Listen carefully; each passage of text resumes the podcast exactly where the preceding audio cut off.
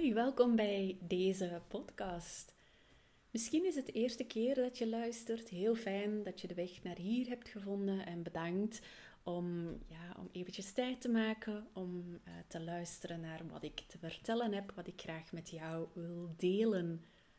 Mogelijk ben je een, uh, een trouwe luisteraar, niet in de zin dat je elke week luistert of direct als er een nieuwe aflevering is, hoewel dat ik zie aan de aan de cijfertjes dat er, dat er ook zo'n mensen zijn.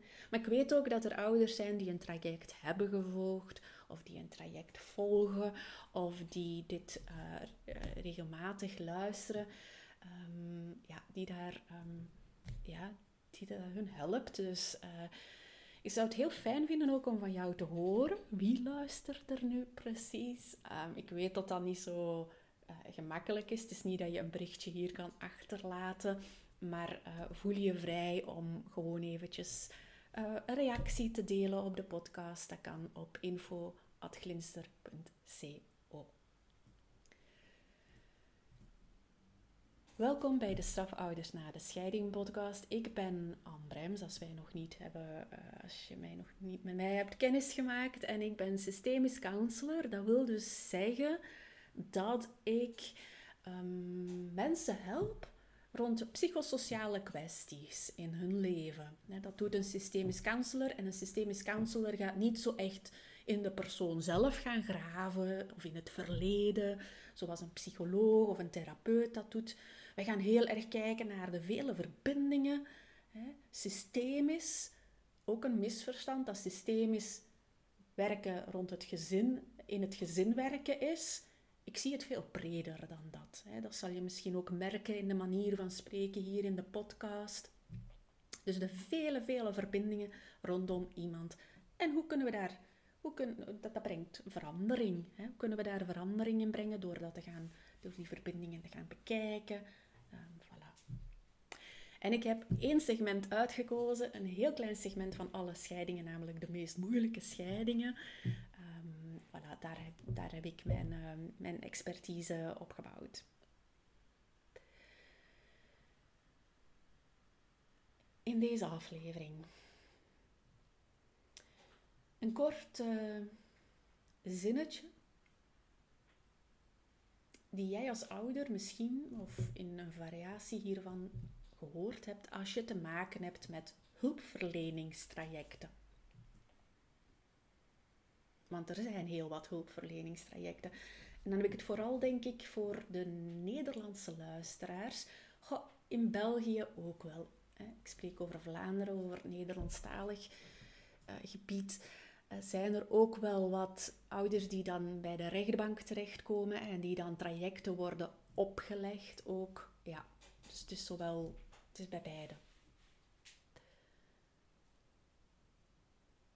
Dus de hulpverlener zegt: Wat kunnen we doen om jou te helpen?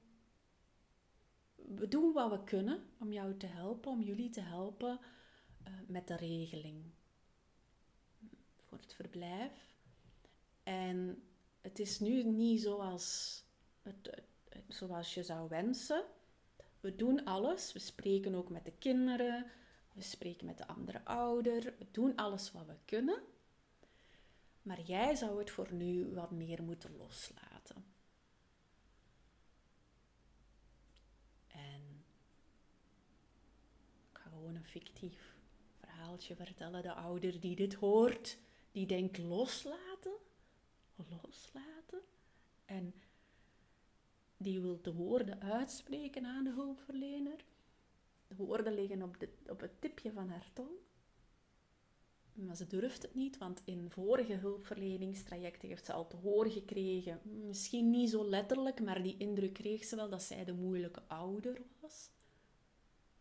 Dat ze zo moeilijk niet moet doen. En dat, dat, in deze zin voelt ze dat ook precies. Zo van, je moet het loslaten. Ah, ik ben het die moeilijk doe. Ze denkt van, oké, ik ga toch iets zeggen. Wat zou ik dan moeten loslaten? En dan zegt de hulpverlener dat de regeling nu niet goed loopt. En dan zegt de ouder niet goed loopt. De vorige hulpverleners hebben ervoor gezorgd dat dit nu de regeling is. Door dat incident van toen. Dit is nu de regeling. Maar die regeling, die loopt van geen kanten. Hoe moet ik dat dan precies loslaten als het ons zoveel stress geeft? Wat is dat dan, dat loslaten?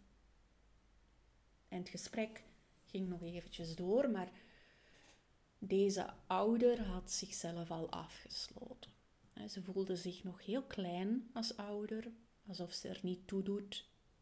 Blijkbaar weten de, de anderen beter wat goed is voor de kinderen. En ik zie zo ouders die dan nog een schim van zichzelf zijn. En ik gebruik soms het woord uitgewist. Door, niet alleen door, door, door, door die vele trajecten, maar ook door, door nog andere dingen in de complexe scheiding. Dat ze voelen van, ik word hier uitgegomd precies, ik doe er niet toe. Ik ben maar soms maar goed voor, voor, voor het geld of dit of dat. Maar wat, wat met, met het contact met mijn kinderen, um, hoe moet dat? Hè? Ja. Voilà. Andere dingen die, uh, die ik vaak hoor terugkeren, um, die ouders te horen krijgen die hier pas starten, is: Oh, we denken dat de kinderen tegen jou liegen. Misschien moet je als ouder daar iets aan doen. Of ook nog iets veel gehoord. Het gaat heel slecht aflopen met jouw kinderen als je zo gaat verder doen. Oké. Ja, misschien moet er wel iets gebeuren, maar ik zie dan het effect op de ouder en uh, het is zeer onaangenaam. Hm? Ja, ouders spreken daarover met mij. Een andere reactie is van, ja, we zullen ons advies doorgeven aan de rechtbank en die gaat dan beslissen over de regeling, over hoe het verder moet. Ja, dan zit je daar ook als ouder met die onzekerheid. Een ander iets dat ik vaak hoor terugkeren dat, ouders, um, dat op ouders een naar effect heeft, is... We raden het af om met je kinderen hierover te spreken de komende tijd. Wij zullen wel met jouw kinderen spreken. Uh, wij zullen het er wel met hen over hebben. Ja. Ja. Dit geeft, um, mogelijk herken je hier een van de dingen van, hè, dat je voelt als ouder, wat heb ik hier nu nog te zeggen? Hè, zo, en, en dan de titel van, van de aflevering is, um, ja, wat heb ik hier nu nog te zeggen? En het alternatief is, en dat is heel moeilijk in een complexe scheiding, neem terug de regie in handen als ouder. Laat als ouder jouw stem en jouw vragen horen. Deel je gedachten en het effect van interventies op jou. Ik vraag dat ook bij ouders die een traject volgen bij mij. Ja, wat is het effect van wat ik hier zeg? Wat is het effect van wat ik hier doe? Helpt het jou? Helpt het niet? Dan weet ik, oké, met die feedback kunnen we bijsturen. Maar ik merk ouders die dan gewoon ook na een tijd monddood worden gemaakt. Ik zie dat ook bij kinderen en jongeren door, ja, niet door de hulpverleners zelf, hè, want die hebben goede bedoelingen, die doen hun best, hè, die, gaan, die, die, die hebben echt heel goede intenties, maar dat is gewoon hoe dat het systeem van een complexe scheiding, welke nare effecten dat dat heeft. Dus neem terug de regie als ouder en doe dit in samenspraak met de hulpverleners. En, en dit is wat ik ouders leer. Dus ik heb daar de voorbije jaren heel mooie dingen door zien ontstaan. Door ouders die die regie innemen en die uh, samenspreken met de hulpverleners op een andere manier. Ja? Opdat dat traject ook jou steunt als ouder.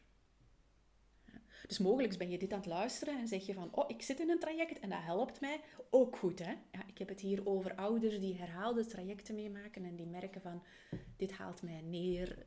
Waarvoor doe ik het eigenlijk? Um, wat heb ik hier te zeggen? Ik, um, ik krijg ook soms ik krijg ouders die zich dan aanmelden en ze hebben dan te horen gekregen dat ze het als ouder niet goed doen.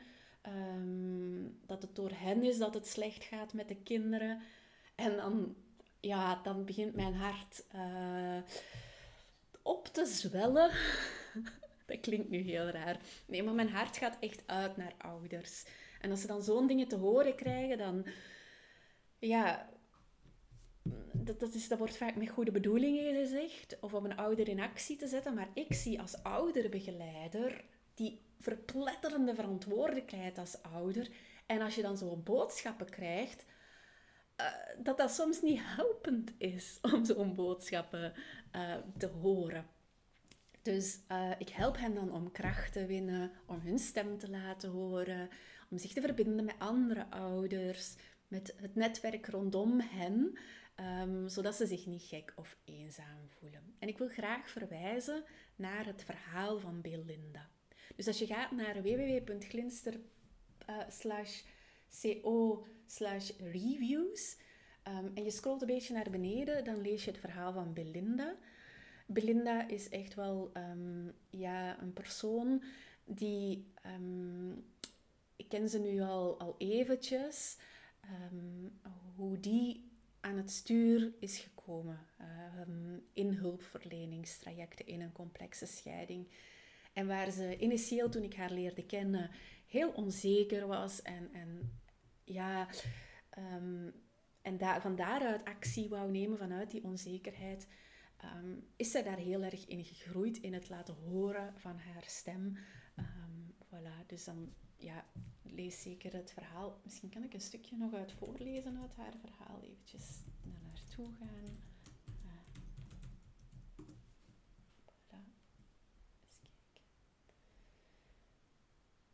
ik richt me nu veel meer op mijn koers en mijn waarde in het gezin.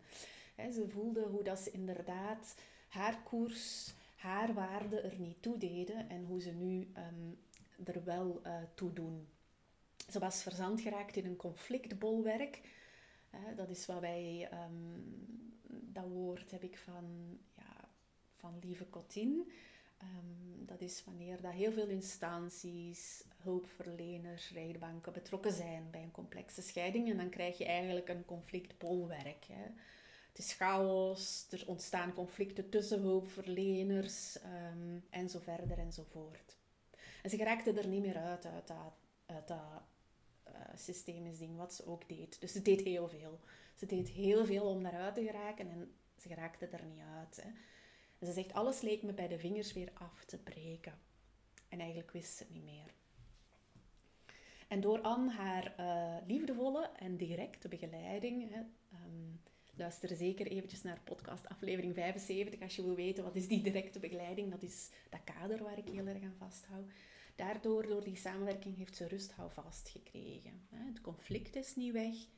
En ze zegt ook, dat gaat niet weg. Dat is een aanhoudend conflict. Maar ze stopt haar energie daar niet meer in. Ze doet iets anders. Uh, voilà. Ja, er staan nog wat andere dingetjes. Ja, en ze zegt, de visie van Glinster zit in haar hoofd, hart en handelen. Dat merk ik nu inderdaad. Hè. Soms komt er nog wel eens iets op haar pad um, met momenten. Maar ze, ze doet het echt. Ze zegt niet alleen dat ze het doet, maar ze doet het echt. Het zit in haar... Ja, het zit in haar... Um, ervaring ja, in haar hoofd, hart en handelen, zoals ze het schrijft, zit het ingebed. Ja. Voilà. Dus um, welke gedachte geeft jou deze aflevering? Mag je mij altijd laten horen op uh, www. Ah, nee, op uh, info.glinster.co. Op dit moment, stel dat je zegt van... Um, ik wil daar niet alleen um, deze stappen zetten. Ik wil dat graag met jou. Um, ja, dan ben je welkom natuurlijk. Hè. Op dit moment zit, zijn we alles in de stijgers aan het zetten voor het fysieke traject in september. Dat gaat door in Leuven en dat geef ik samen met Hans Valvekes. Er zijn nog een aantal online trajecten ook lopende. Dus als je zegt van, oh fysiek, ik woon veel te ver, dat lukt niet. Um, wacht dan nog maar eventjes. Hè. Um, maar dit is voor de ouders waarvoor Leuven haalbaar is. En ja, moet niet denken van bijeenkomsten rond complexe scheiding, dat gaat kei zwaar zijn. Hè. Hans en ik, wij zorgen daarvoor dat dat uh, energie geeft. En dat dat jou op weg helpt voor jouw concrete situatie, dat jij de tools en de handvatten ontwikkelt. Hè, want het is echt oefenen gedurende uh, de vormingsreeks. Dat jij de tools ontwikkelt. Ehm, ja, zodat jij die regie, hè, zoals in deze podcastaflevering, dat jij voelt van oké, ik doe er toe als ouder, ik heb terug wat regie in handen, ik voel mij niet meer die speelbal als voorheen. Hè. Uh, voilà. Alle informatie over de vormingsreeks kan je rustig nalezen op www.glinster.co vormingsreeks. Uh, zodra dat je zegt ja, ik doe mee, laat daar ook op die pagina jouw e-mailadres en jouw naam achter. En dan neem ik contact op met jou om, uh, ja, om te starten. Ja, want je moet niet wachten tot 14 september, dan is de eerste bijeenkomst. We gaan al wat dingen doen voor 14 september. Um, Oké? Volgende keer wil ik het met jou hebben over wat kan ik doen als er kledij wordt achtergehouden. Heel concreet. Er zijn verschillende oplossingen. Ik ga weer één iets geven dat jou mogelijk uh, kan inspireren wanneer dat er kledij wordt achtergehouden. Graag tot de volgende keer. Bedankt voor het luisteren. Doei!